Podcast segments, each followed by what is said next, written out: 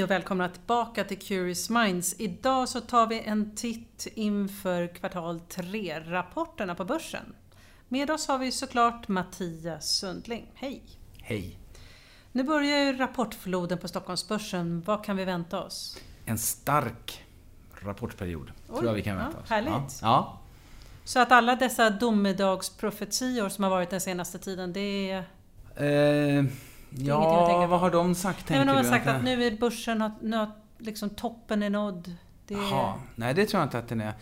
Eh, man kan ju säga så här att eh, det här är eh, ett år där det här blir ett år där vi ändå får en okej okay vinsttillväxt. Och på så sätt så är detta ett bra år.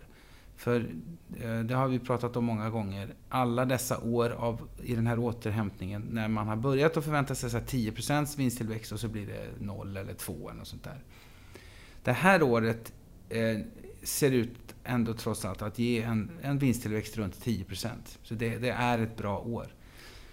Eh, Q3 tror jag kommer att bli väldigt mycket starka rapporter. Men sen är det en annan sak hur marknaderna tar emot det. Det kan vi komma tillbaka till. Men själva rapporterna i sig tror jag i många tunga cykliska sektorer kommer att se väldigt fina ut. Vi tittar på dem om en stund. Men jag tänkte mm. vi börjar med de svenska industriföretagen. För de hade ju positiva rapporter förra kvartalet. Hur ja. ser det ut nu? Ja, alltså grejen med eh, förra kvartalet var ju att det var ju då, om man, om man gör en sån här grundfråga, Eh, förväntningarna var högt ställda. Levde bolagen upp till förväntningarna? Ja, det gjorde de. Och överraskade till och med lite positivt. Problemet inom citationstecken var för det, för det första att förväntningarna var väldigt uppskruvade som sagt och även på marknaden. De hade gått väldigt starkt innan. Och för det andra att eh, ska man fråga så här, vad gjorde analytiker efter de här rapporterna? Började de skruva upp sina estimat då? Nej, det gjorde de faktiskt inte. De började skruva ner sina estimat. Och det var nog väldigt mycket relaterat till valutan. Eh, till dollarn? Alltså. Ja, kronan stärktes mot dollarn. Eh, eller dollarn försvagades mot alla valutor. Så de två faktorerna gjorde att reaktionen, marknadens och analytikernas reaktion på en väldigt bra rapportperiod blev väldigt njugg. Analytikerna började ta ner sina estimat och marknaden handlar ju faktiskt ner många av de här industriaktierna. Så vad tror du nu om kvartal Jo, och det här var lite grann utgångspunkten då för vår förändring i början på september. För då, titt, då kom vi liksom tillbaks från efter sommaren och tittade på att, att verkstad har faktiskt gått väldigt dåligt. Eh, och sen eh, tänkte vi oss också att det kanske är så att dollarn kan studsa lite grann, vilket den ju faktiskt har gjort. Och sen ovanpå det så har vi jättestarka konjunkturindikatorer. Superstarka konjunkturindikatorer. Så att jag tror att den här rapportperioden kommer att bli jättebra. Och det tror jag faktiskt till viss del är det som marknaden har talat om för oss också. För börsen har gått väldigt bra sista månaden. Och inte minst många verkstadsbolag. Men ett företag som haft lite kräftgång minst sagt, det är ju Ericsson. Ja. Vad tror du där? Ja, jag ska säga vi då, för att det är ju tillsammans med vår eh, bolagsanalytiker Fredrik Littell. Eh, nej, där, där känns det tungt fortfarande. Det är några, och det, alltså, vi pratar om positivt tonläge här, men det är några tungviktare som har ett fortsatt tufft. Ericsson, H&M är en annan. Ericsson eh, tycker väl vi sådär att det går inte, man, man är för långsam med att ta tag i problem och skära i kostnader. Så vi är oroliga för att det här blir ännu en riktigt dålig rapport som kommer att komma in liksom sämre än vad snittet förväntar sig. Eh, där, där, där håller alla på liksom i någon nedåtgående spiral och skruvar ner sin estimat hela tiden och den spiralen har nog inte bottnat ännu. Så det återstår att se här när de rapporterar i slutet av veckan? Ja, men jag skulle inte vara... Jag känner inget akut behov av att vara lång Ericsson in i den här rapportperioden, snarare tvärtom.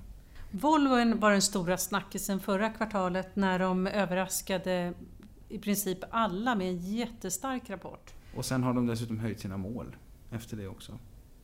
Mm, och hur ser du på Volvo nu? Ja, men det är väl ett jätteintressant case. Just det här, det här Q3 tror jag att det finns andra mer spännande eh, verkstadsbolag sådär. Men det är absolut en, en aktie att, att, att fortsätta vara positiv till. Jag vet inte om Q3 just specifikt kommer att vara en stark trigger. Det har varit som sagt var andra starka triggers för Volvo. Den viktigaste triggern för Volvos del var när man höjde sina mål. Eh, vilket ju verkligen utstrålar självförtroende om konjunkturen och om sin egen förmåga. Och sådär. Vi har väl lyft fram annars, eh, som vi stoppade in i vår selectlist, ABB till exempel, som är ett sencykliskt bolag som borde gynnas av att capex-cykeln ändå kommer igång. En, en, ett annat verkstadsbolag som har gått halvknackigt är ju SKF.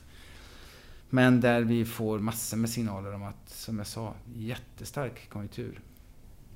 Spännande. Mm. Vi pratade inledningsvis lite kort om cykliska aktier, för det är ju någonting som du har rekommenderat under året.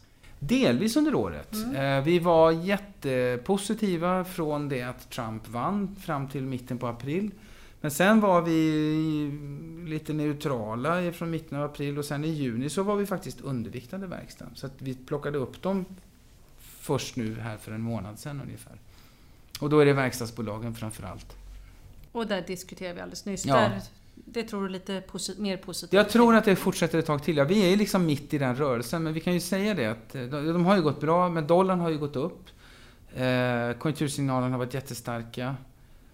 Så att ja, jag tror att vi fortfarande har mer att ge i den rörelsen. Bankaktier, vår egen bransch. Mm. Eh, flera utländska analytiker har ju pekat på viss mån av försiktighet på grund av just det här med bolån och liknande. Vad säger du?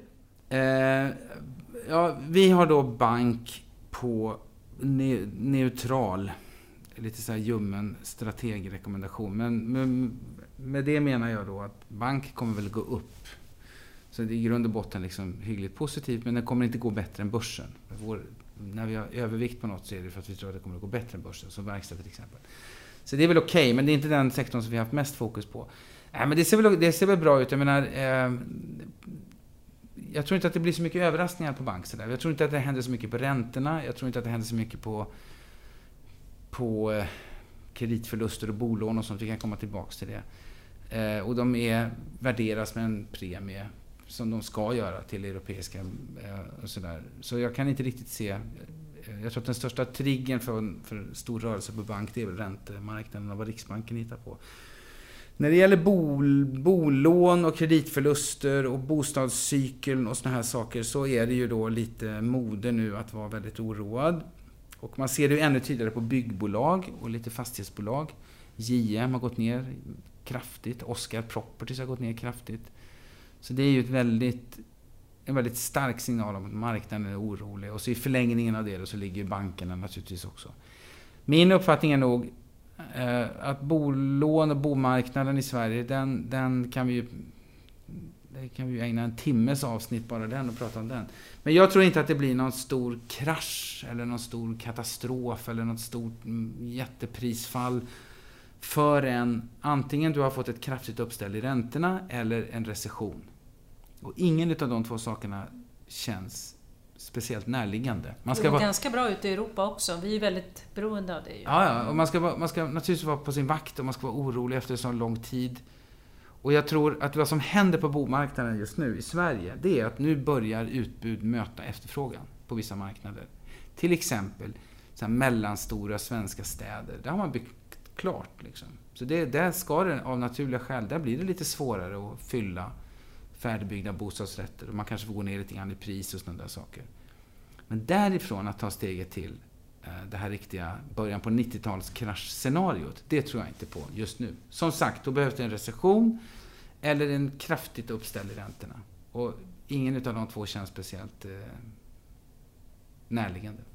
Så om vi då avslutar med att titta på några andra sektorer. Finns det några som du känner att det här tycker jag man ska ha lite ögonen på? Nej, jag tycker ju... Det finns en vi är tillbaks i det där lite halvjumma som vi har varit i förut. Och med det menar jag att det är svårt, det är ganska svårt att göra så här sektorspaningar. Du, du frågar mig, tror jag nu, liksom. Jag menar, man kan ta eh, det som kallas för eh, konsumentrelaterade sektorer. Det borde ju vara kanon konjunkturmässigt. Men mm. då har vi ju en strukturell problem här med onlineförsäljning och kanske Amazon kommer hit och allihopa de där grejerna som, som, som ligger som en våt filt över den sektorn. Så jag tror, jag tror att den miljön vi befinner oss i nu, då är det faktiskt väldigt mycket stockpicking. Sådär. Jag tycker läkemedel ser ganska spännande ut. Ehm, det är ju egentligen en defensiv sektor, men det är, det är den enda defensiva sektorn som vi har övervikt på. Ehm, jag tycker en del cykliskt eh, fortfarande ser intressant ut. Och då främst ABB då, eller? ABB, Saab, eh, men även kanske en sån där eh, ja, fulverkstad brukar vi skoja och kalla dem, SKF.